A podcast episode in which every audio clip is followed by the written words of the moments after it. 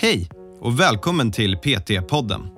Jag heter Karl Gullö och är utbildningsansvarig på Intensiv PT.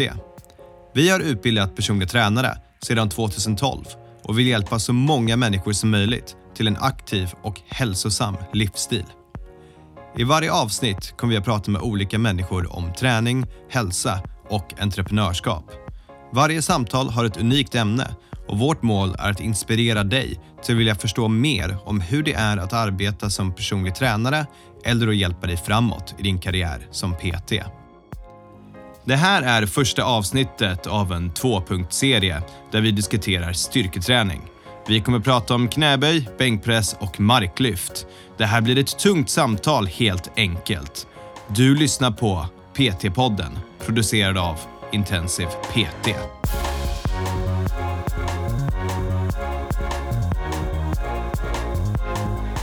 Jag hade inte kollat vart jag låg till i ställningen eller någonting. Det var mitt första lyft och klarar jag det här så har jag vunnit junior-SM. Går in, plockar det. Gick lätt, fick down-kommandot, liksom, lyftet var färdigt. Jag hade vunnit. Ni hörde nyss Kasper Nevala. Han är en riktigt stark kille. Han väger in sig på endast 66 kilo och tar hela 252 kilo i marklyft. Han tar även 200 kilo i knäböj och 120 kilo i bänkpress. Den här killen är brutal och som en lågviktare som Kasper är så är det här oerhört makalösa lyft. Och idag så hjälper han sina klienter till en hållbar och aktiv livsstil med hjälp av styrketräning. Innan vi börjar, låt oss prata lite om fördelarna som finns med styrketräning. Du stärker din kropp med hjälp av att lyfta vikter. Du stärker ditt skelett och studier påvisar att man får bättre stresshantering av att styrketräna. Kroppen bygger muskler och man förbättrar sin rörlighet om man gör det rätt. I funktionella övningar som exempelvis knäböj så utmanas även hjärnan på flera punkter. Och den personen som inte tror att bänkpress är en helkroppsövning, ja, typ, den personen misstar sig helt. När jag pratade med Kasper så hade vi tänkt att det skulle vara ett avsnitt till vår podcast. Men han hade så mycket att säga om ämnet så vi var tvungna att dela upp det i två. I det första avsnittet här så kommer du få höra mycket generellt om styrketräning, hans karriär och vilka tips han kan ge. Och i det andra avsnittet så kommer vi att titta specifikt på knäböj, marklyft och bänkpress. Och där kommer Kasper komma med råd som du kan använda i din karriär som PT för att hjälpa dina klienter till att få bättre resultat.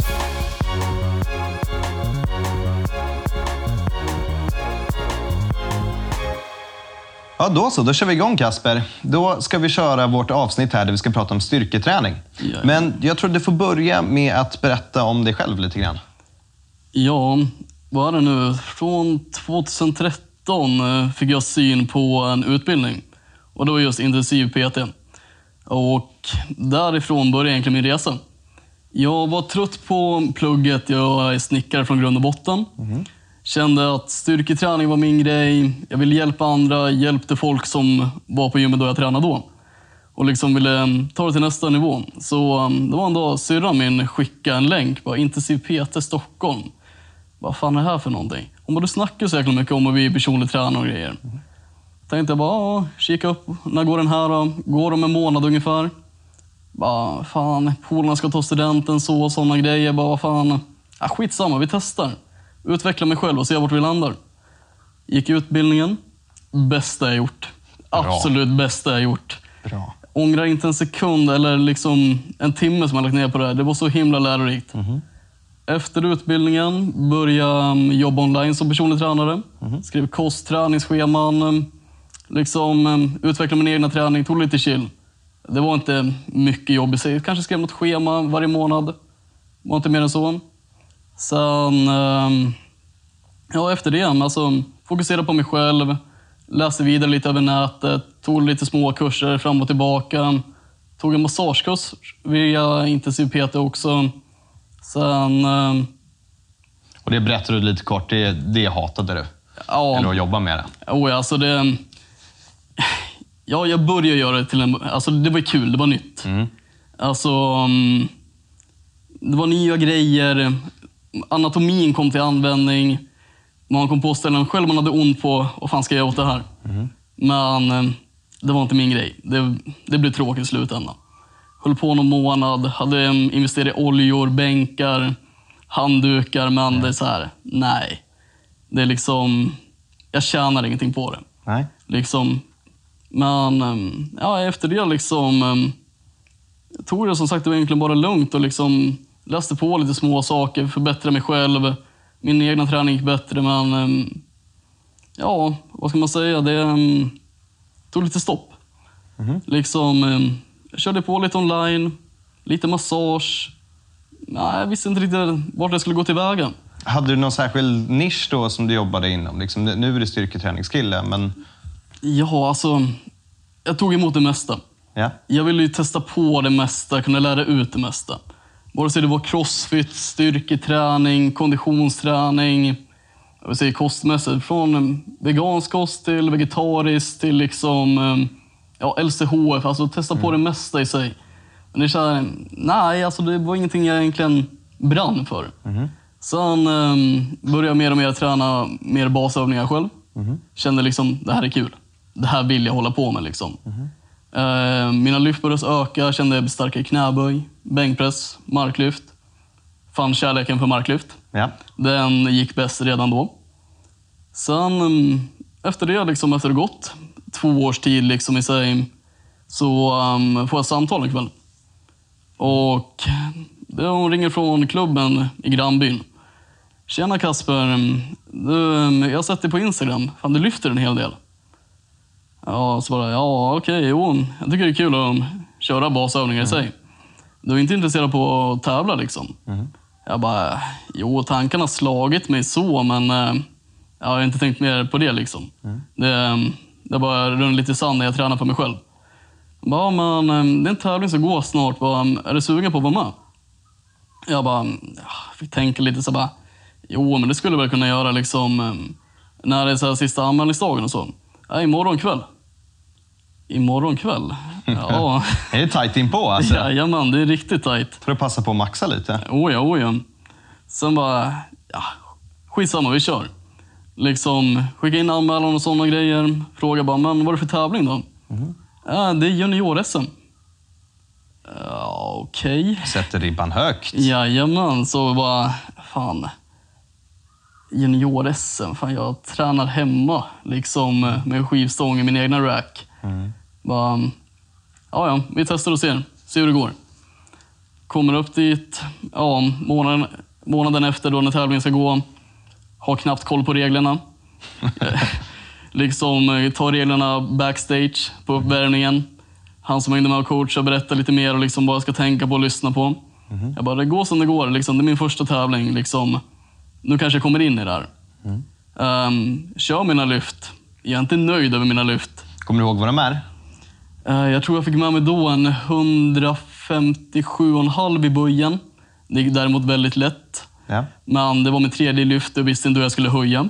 Ja. Bänken tror jag var 97,5. ja. Inte heller nöjd, men det fick räcka. Nära hundringen där. Jajamän, för nära. Ja. Jajamän. Sen marken låg på 200 blankt. Det var min ingångsvikt. Det gick väldigt lätt. Sen ska vi lägga till, vad, vilken viktklass var det här? Eh, minus 66. Så det var inte mycket vikt liksom? Nej. Så um, 200 in i marken, den gick lätt. Det gjorde den. Höjde till 220. Det var just då 2,5 kilo över svenska rekordet. Ja. Gjorde två försök på vikten, men inte den dagen. Alldeles för mycket nerver. Aj. Min första tävling, men jag tappade lite också efter ingången på 200. Eh, när jag ska gå in och lyfta säger kommentatorerna Ja, här är Kasper, 200 kilo marklyft. Drar du det här så vinner du. Jag hade inte kollat vart jag låg till i ställningen eller någonting. Sjukt. Det var mitt första lyft och klarar jag det här så har jag vunnit junior-SM. Går in, plockar det. Gick lätt, fick kommando, down-kommandot, liksom, lyftet var färdigt. Jag hade vunnit. Jag behövde inte göra något mer. Och liksom, det var min första tävling, så liksom, jag var ju så i chock för jag gick in med noll förväntningar. Hur kändes det då? Ja, vad kan man säga? Lite tom nästan. Liksom, lycklig men tom. För liksom, jag vill ju ändå höja ribban mer, för jag vet ju att kapaciteten var högre. Ja. Men som sagt, nerverna spelade roller inför andra lyfter, då inför svenska rekordet och jag behövde egentligen inte göra något mer. Jag hade ju vunnit tävlingen i sig. Mot alla odds, utan att ens ha en tanke på att gå in för att vinna. Så din första tävling, du kan inte reglerna, junior-SM och du tar hem dig i din viktklass. Jajamän. Sjukt. Det var riktigt sjukt, men efterhand väldigt nöjd. Ja, det är ju såklart. Åh ja, det måste jag säga. Det är ju sjukt. Nej, fan vad kul alltså. Vad, vad hände sen då? Efter det, då började jag brinna för styrkelyft. Mhm. Ja, det är ju klart. Nu Jajamän. jävlar. Det är Oh, ja. då, du tänkte aldrig så här, jag lägger av på toppen? Nej, nej, nej, nej, nej. Jag vill ha mer. Ja, såklart. Oh ja, oh ja. Och liksom ville rätta till felen som jag hade gjort innan. Läste på mer om regler, teknik. Jag ville utveckla min egna träning och liksom verkligen satsa på styrkelyft. Jag hade kört basövningar men aldrig tänkt på svagheter i mina lyft eller hur jag kan optimera dem. Små detaljer. Så började läsa på om regler och liknande. Körde på min styrketräning i sig. Sen, ehm, ja, vad kan man säga? Det är liksom att det började gå bättre med min egna träning. Jag hade ju någonting att kämpa för. Jag tänkte ju nästa tävling, nästa SM. Vad ska jag göra för att gå bättre? Ska jag försöka ta rekorden nästa tävling istället? Ja. Och ja, jag tog det därifrån. Började öka på mer och mer. Lära mig mer och mer och liksom börja följa andra personer som håller på med styrkelyft. Allt från Youtube-kanaler till Instagram till att läsa liksom bara på nätet. Um, böcker, ja lite allt möjligt. Kolla hur andra tränar, hur andra gör. Och liksom ehm, även på min egna träning börja köra lite em, tävlingsregler. Längre pauser i bänken, lyssna på kommandon i knäböj och marklyft. Bara för liksom, jag ska träna som det är på tävling. Innan har jag bara tränat för att, för att förflytta vikt. Men em, det är lite regler som spelar roll också. ja. Och vad lyfter du nu då? Vi kan ju börja med knäböj som är första lyftet i styrkelyft. Ehm, Jag har böjt nu 200 kilo. Eh, Kapacitet till en 210 skulle jag tro. Eh, Jag har bänkat en 120 kilo. Kapacitet till en 125 i runda slängar. Eh, Jag har dragit i mark 252,5. Kapacitet, jag tror jag har en 265-270. Ja. Och vad väger du in det på? 66 kilo. Wow, den är stark alltså. Och det här är intressant, för okej, nu sitter vi i ett jättefint hotellrum här och spelar in vår, eh, vårt avsnitt. Men för en halvtimme sedan då var vi på Crossfit Södermalm med ett uh, skitigt gym och du höll på att lära mig göra marklyft. Eh, och vi tittade liksom på det och du gav mig lite punkter och sånt. Jag, vad sa vi, 100 dagar, sen tar jag 200, då jävlar. Eh, men jag tänker så här, vad, när du började träna för att tävla, hur skiljer det sig från den träningen som du lärde dig på din PT-utbildning? Och du får jättegärna liksom såga utbildningen, det är inga problem. Men det, finns det en skillnad i de här två? Det är ganska markant skillnad faktiskt. För nu har du ett mål. Innan var det mer för att lära ut och teknikmässigt och så. Men det kanske inte var så klara mål för dig själv. Tävlar du så har du ett mål, du möter andra, men även du tävlar mot dig själv. Du vill ju förbättra dig mot vad du gjorde i tävlingen innan. Du höjer ribban ett snäpp. Det blir roligare att träna. På utbildningen, den var jäkligt bra. Det var den i sig så. Men det var mer för att lära till andra mer än att lära sig själv. Ja. Nu tränar du för att lära dig själv, för att förbättra dig själv. Inte för att egentligen förbättra andra och lära andra. Ja. Jajamän. Och fortfarande, alltså, var ärlig, men kan man lära andra utan att känna den där känslan själv? E- Enligt dig? Liksom?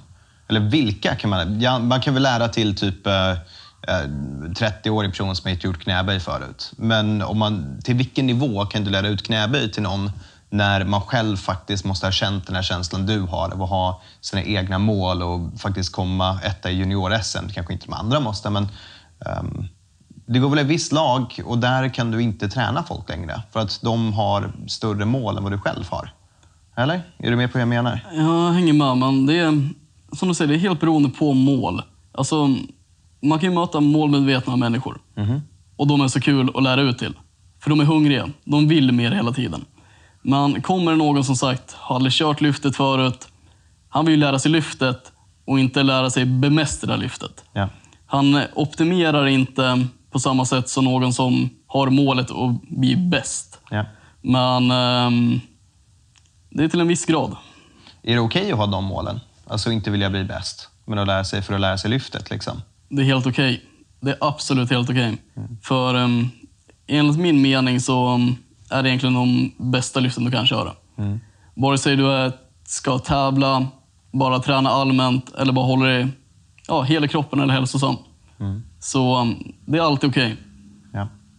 Nej, Vi förespråkar mycket knäböj, bänkpress och marklyft alltid. För det är liksom basövningar som ger stor bang for your buck.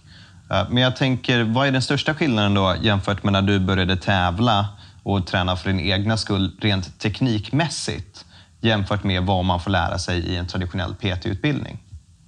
Hitta svagheter. Svagheter i sina lyft. Vart man misslyckas. Vart det är tungt i lyftet. Vad man kan göra för att förbättra. Eh, De flesta kan göra ett klockrent marklyft på 40 kilo. Men kan de göra ett klockrent marklyft på 240 kilo? Det som är frågan. Kapaciteten blir skillnaden i sig. Liksom, var sviker det? Sviker det på de tyngre vikterna eller sviker det på de lättare vikterna?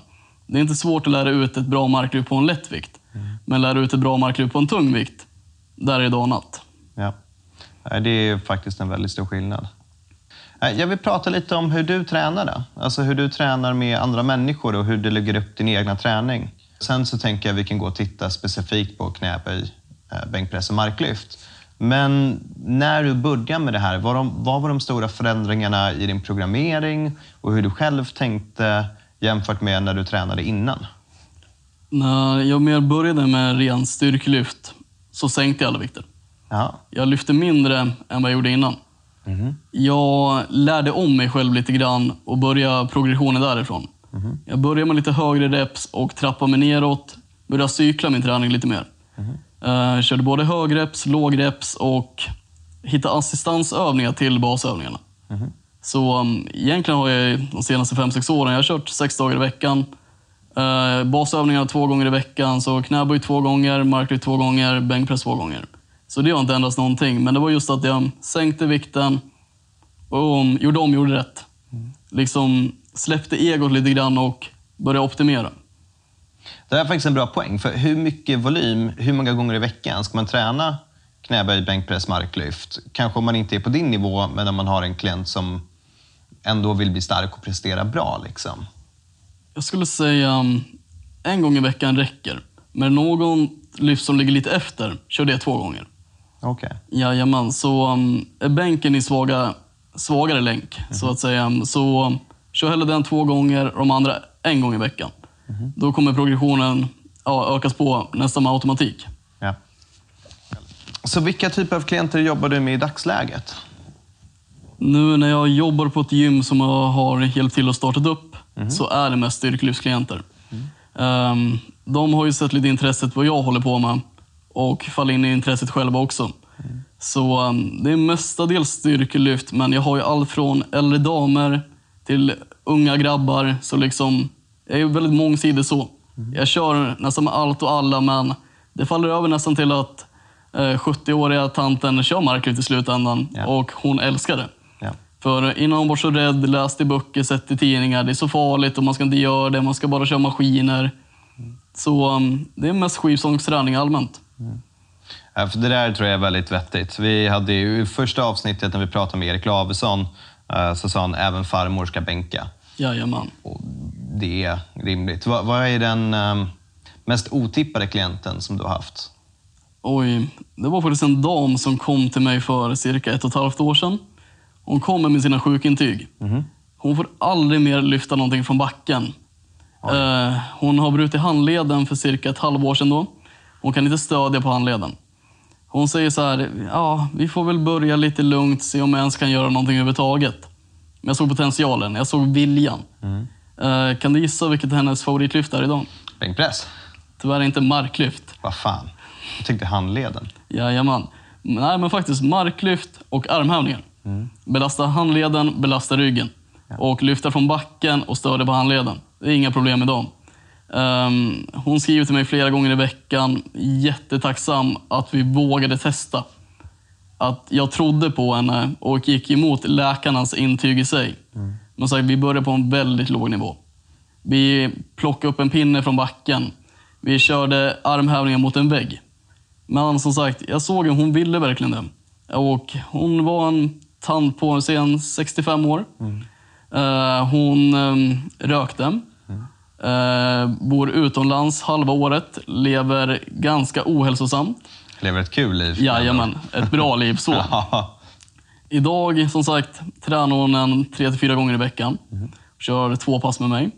Hon har slutat rökt. Hon vill knappt dra på semester för hon vill inte missa träningen. Så hon har ändrat helt och hållet livsstil. Hon har noll ryggsmärtor idag. Handleden är inte längre något problem. Och livet leker på ett helt nytt sätt. Hon har fått ny tändning. Och hur visste du när du kunde trappa upp henne från en pinne till en skivstång och sen börja lägga på vikt? Var du inte orolig liksom? Faktiskt inte. Alltså, hon... Viljan fanns där, men det var bara teknik och liksom um, tro på sig själv som saknades. För um, läkarens intyg trodde jag inte så mycket på. det är lätt att skriva ut ett papper för att hon inte ska komma tillbaka. Och på samma sak igen. Så jag tänkte, vi testar. Hon vill ju. Och liksom, eh, det skadar inte. Liksom, märker vi att det inte går, struntar vi i det. Går det, så kör vi stenhårt. Mm. Eh, jag vill börja med ett grundantagande. Först vill jag prata lite generellt om det här eh, och sen gå in på de olika övningarna. Men jag vill börja med ett grundantagande. Och det är så här att det vi kommer att prata om nu, det är framförallt styrketräning. Och det är ju för, ja i ditt fall och det som är intressant, det är ju i och med att du tävlar inom det här. Men de sakerna vi pratar om nu, är det någonting som varje PT kan applicera med sina klienter som vill lära sig baslyft? Det tycker jag. Det tycker du? Jajamän. Så det vi pratar om nu kan vara generellt för alla.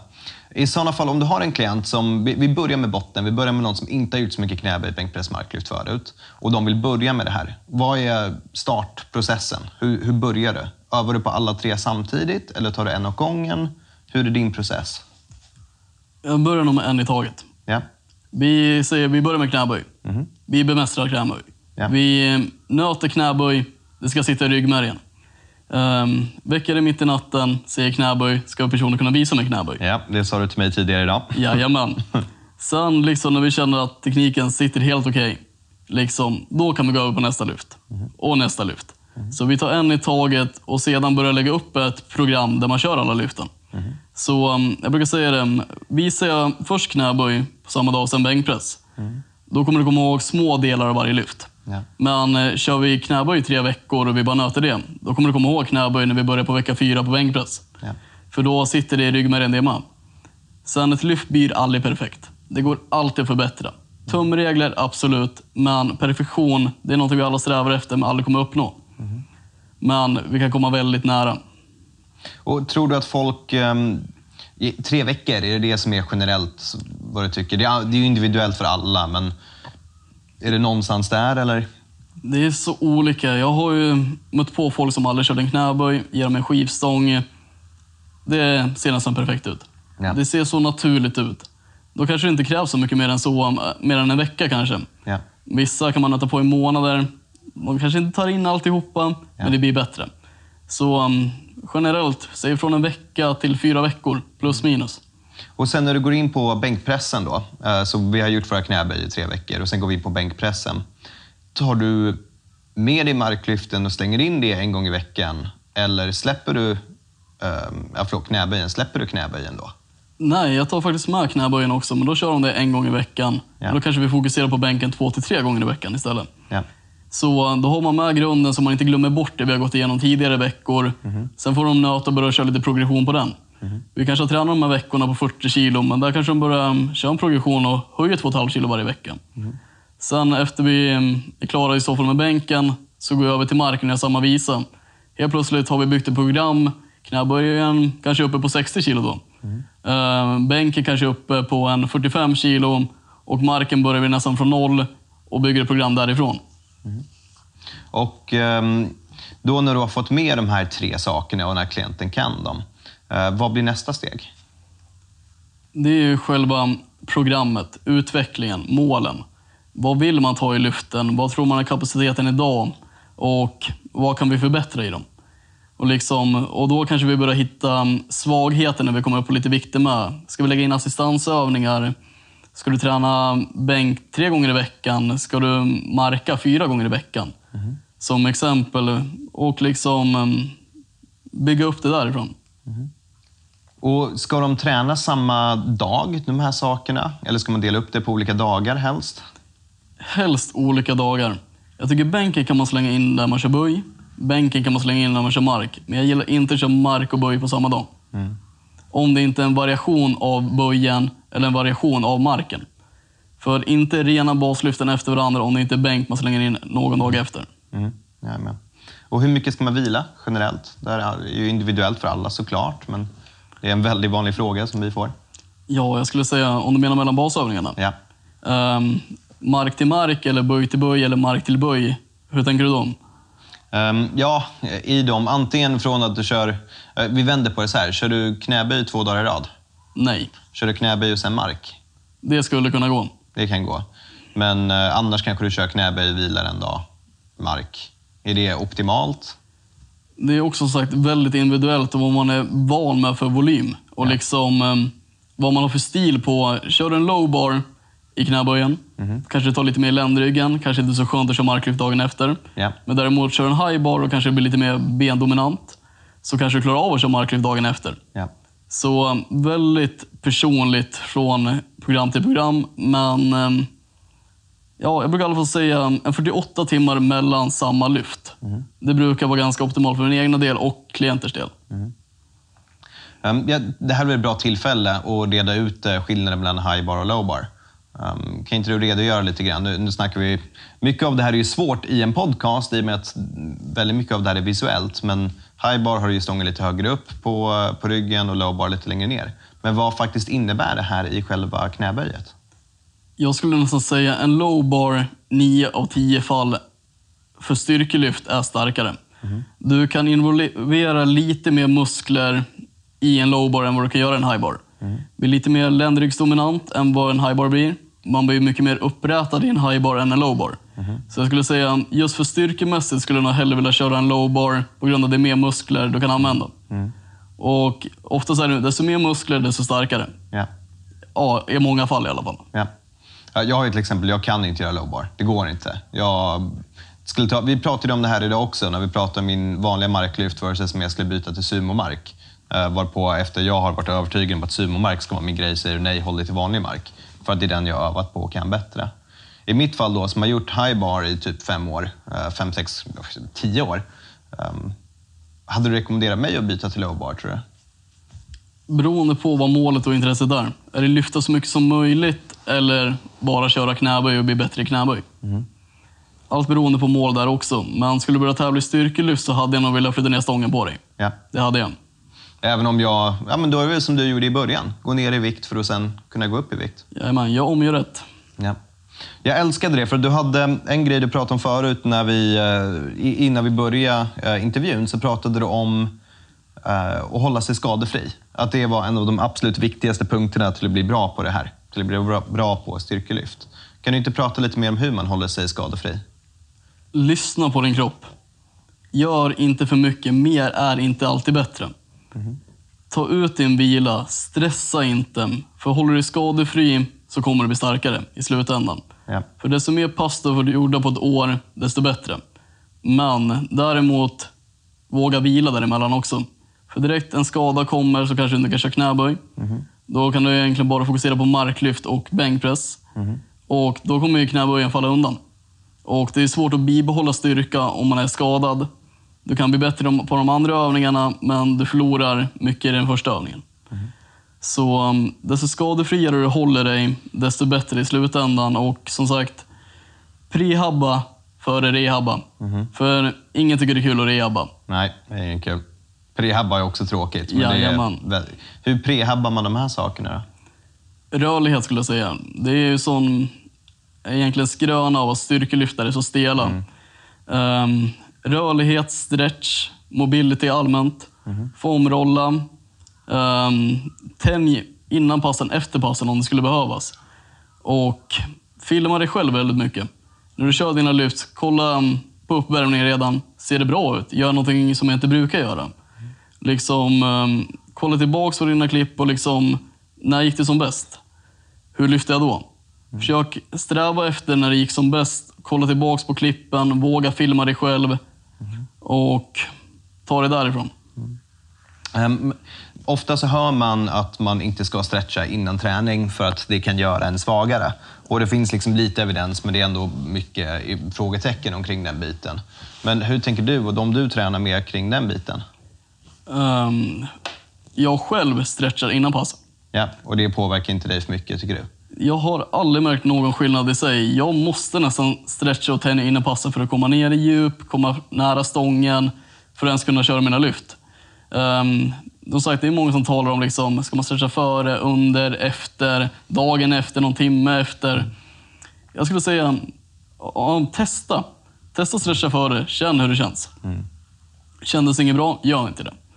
Kör ditt pass, stretcha efteråt. Känns det bra, gör det. Måste hitta det som passar en själv. Och det här kommer från en kille som är svinstark liksom, och tänker så här omkring det. Då när vi har um, vår 45-åriga klient som tar 60 kilo i knäböj och man tänker att man inte ska stretcha innan man tränar dem för att de kanske är lite svagare. Det, det är väl inte hela världen, tänker jag, på samma sätt. Nej, det är inte hela världen i sig som du säger. Och liksom, um, kolla vad de gillar. Kolla, mm. fråga dem hur de känner. Liksom. Mm. Ena passet är kanske kör knäböj, stretcha innan passet. De kör sina knäböj och sen, nej, det kändes inte som det kändes sist. Det kändes inget bra.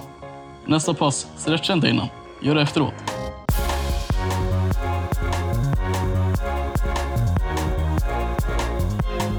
Ja, hörni. Det där var avsnittet, i alla fall första delen av avsnittet med Kasper Nevala.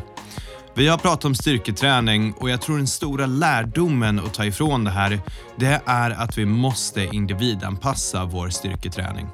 Och vi insåg när vi spelade in det här avsnittet att det är ju väldigt svårt att göra bara online så här, utan då måste man titta på sin teknik och kunna förstå och analysera sitt rörelsemönster för att sen kanske kunna översätta det för att kunna förstå och analysera andra människors rörelsemönster. Så därför satte vi ihop en kurs åt er. Det är en workshop som är med Kasper i styrkelyft och i den workshopen ska vi titta på knäböj, bänkpress och marklyft.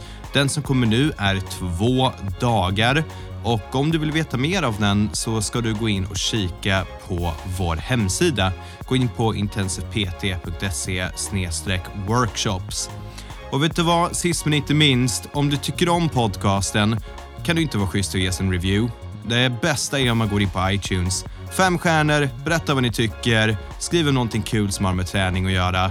Vi skulle uppskatta det så mycket och så kan fler människor hitta vår podcast. Så tills nästa avsnitt där vi kommer djupdyka i knäböj, bänkpress och marklyft så önskar jag er en riktigt härlig dag. PT-podden är producerad av Intensiv PT. Om du vill veta mer om våra utbildningar och gå med i nätverket av framtidens personliga tränare, gå in på www.intensivept.se. Vi har kursstarter varje månad och du kan studera helt i ditt egna tempo.